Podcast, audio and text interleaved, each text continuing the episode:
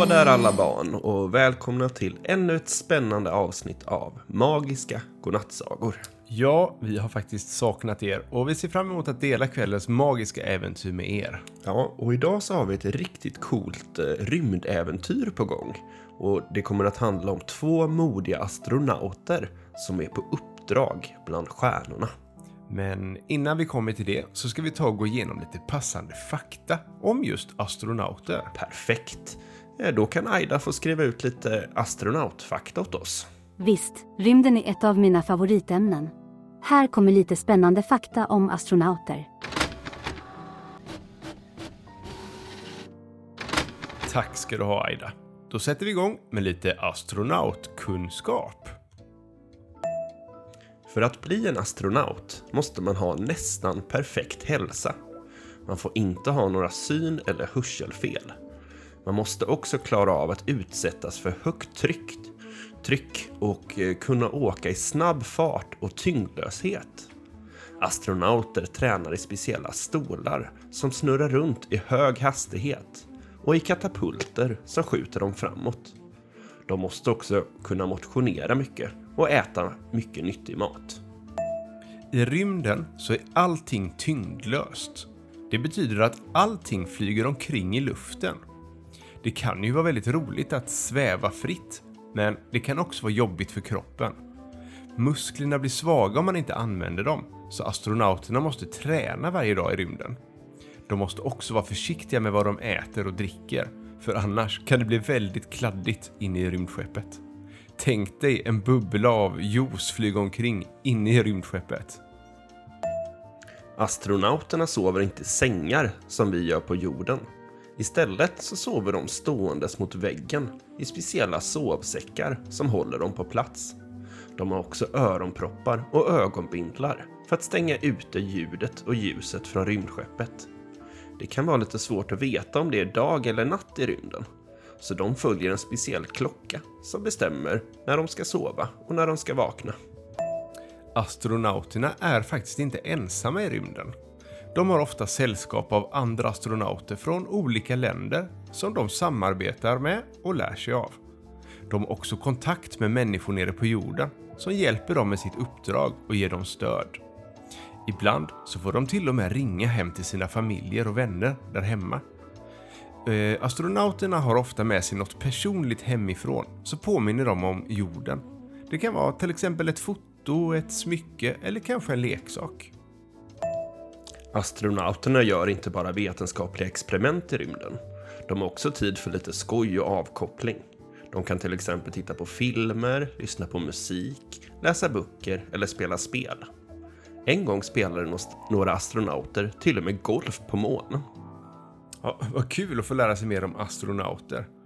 Innan vi kommer till själva sagan så skulle jag vilja påminna er om en sak. Och det är att ni kan följa oss i sociala medier. Just det. Eh, Letar ni efter oss på Instagram och Facebook så söker ni bara på Magiska godnattsagor så kommer ni att hitta oss. Där lägger vi ju bland annat upp bilder till sagorna, lite kul bakom kulisserna grejer och annat skojigt. Så följ oss gärna där för att inte missa något. Ja, på sociala medier kan ni verkligen vara en del av godnattsagogemenskapen. Ja, nu har vi nämnt det, så då tycker jag det är dags för kvällens saga. Som vi sa så handlar den om två astronauters rymdäventyr. Precis. Och den är önskad av Nico. Och Nico är sex år och kommer från Västra Torup. Han skickade in en riktigt cool inspelning. Vi tar och lyssnar. Jag heter Nico. Jag är sex år gammal. Jag kommer ifrån Västra Torup. Jag vill höra en saga om en ast om två astronauter som åker upp i rymden men sen råkar de trycka på fel eh, knapp så de åker ännu längre upp i rymden. Och så sen tog bränslet slut. Men de hade lite kvar i tanken. Så det räckte inte för hela rymdresan. Men det sista bränslet användes till landningen. Tack för den häftiga rymdönskningen Nico. Ja, nu du Aida, så får du göra din magi. Med nöje. Här kommer sagan om rymdresan till chokladbollskungen. Perfekt Aida. Då ska ni få äran att få lyssna på sagan om rymdresan till chokladbollskungen. Det var en gång två bästa vänner, Eva och Vega. Och de var de modigaste och mest äventyrliga astronauterna i hela världen. De hade redan utforskat månen, sagt hej till Mars och vinkat till Venus. Men de ville ha ett ännu större äventyr. Så de byggde ett nytt rymdskepp och kallade det för Stjärnfantomen. För att åka ännu längre ut i rymden än vad de någonsin tidigare hade gjort. Är du redo Eva? frågade Vega medan hon spände fast sin hjälm. Så redo som man kan bli, svarade Eva och gav Vega en tummen upp. De satte sig i sina säten, startade rymdskeppets motorer och räknade ner. Tre, två, ett, lift off.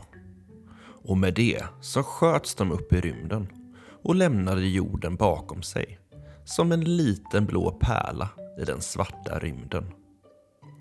De flög förbi månen och vinkade till alla de kratrar och berg som de kände igen från tidigare resor.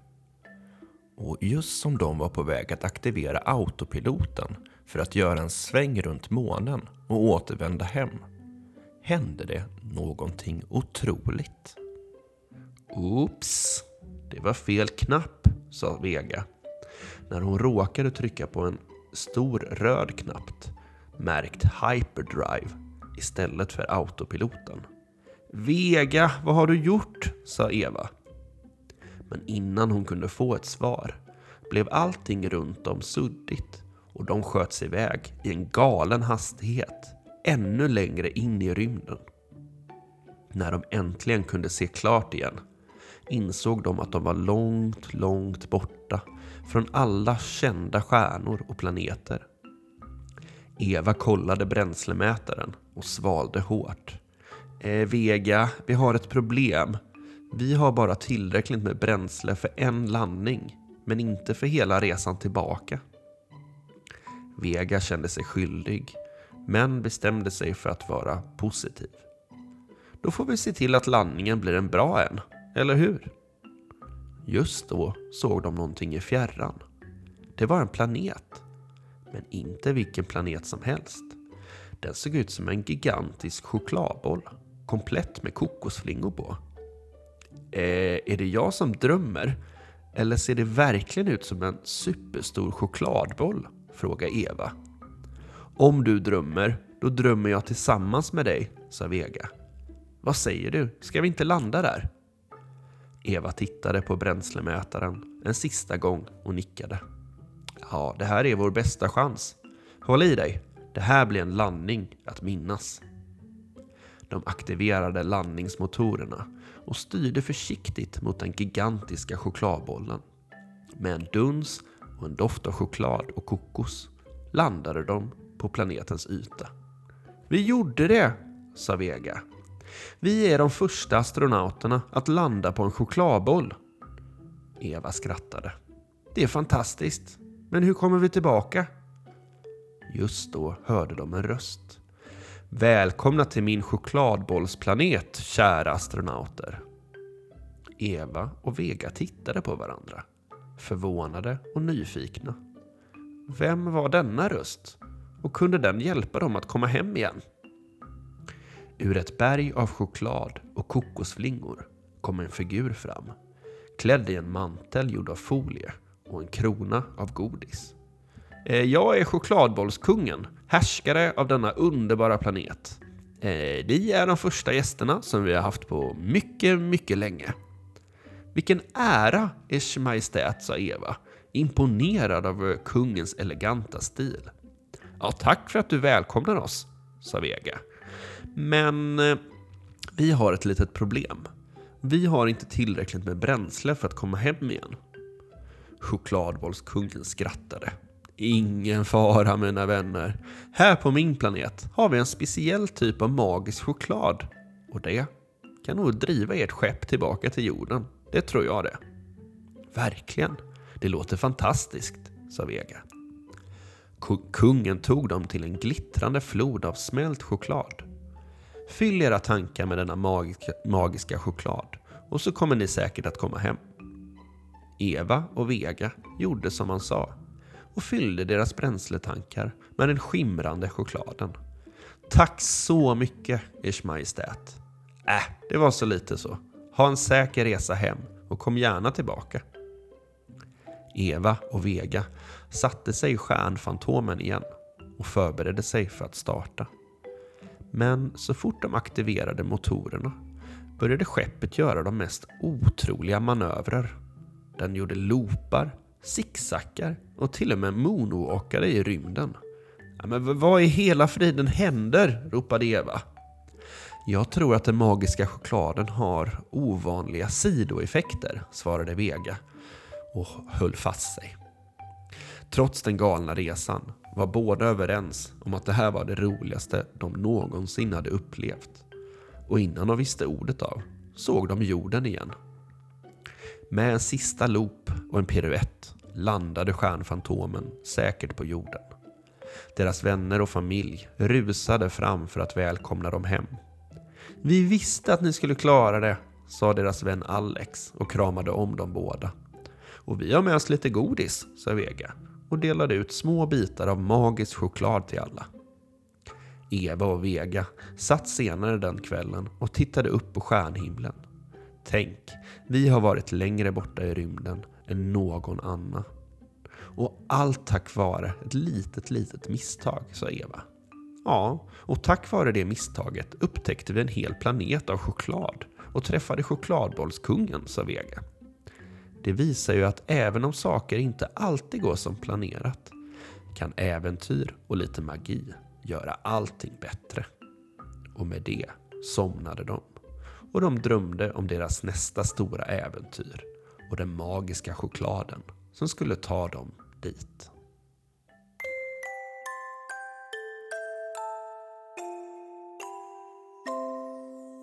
Ja, det där det var en episk rymdsaga. Tack Nico för att du delar med dig av din kreativitet. Ja, den var verkligen grym. Eh, Fortsätt gärna att skicka in era galna och tokiga sagoidéer. Och kom ihåg att följa oss i sociala medier för mer godnattsagoskoj. Då ska vi säga godnatt för idag. Sov gott hörni. Så gott, dröm om någonting rymdigt. God natt, kära vänner.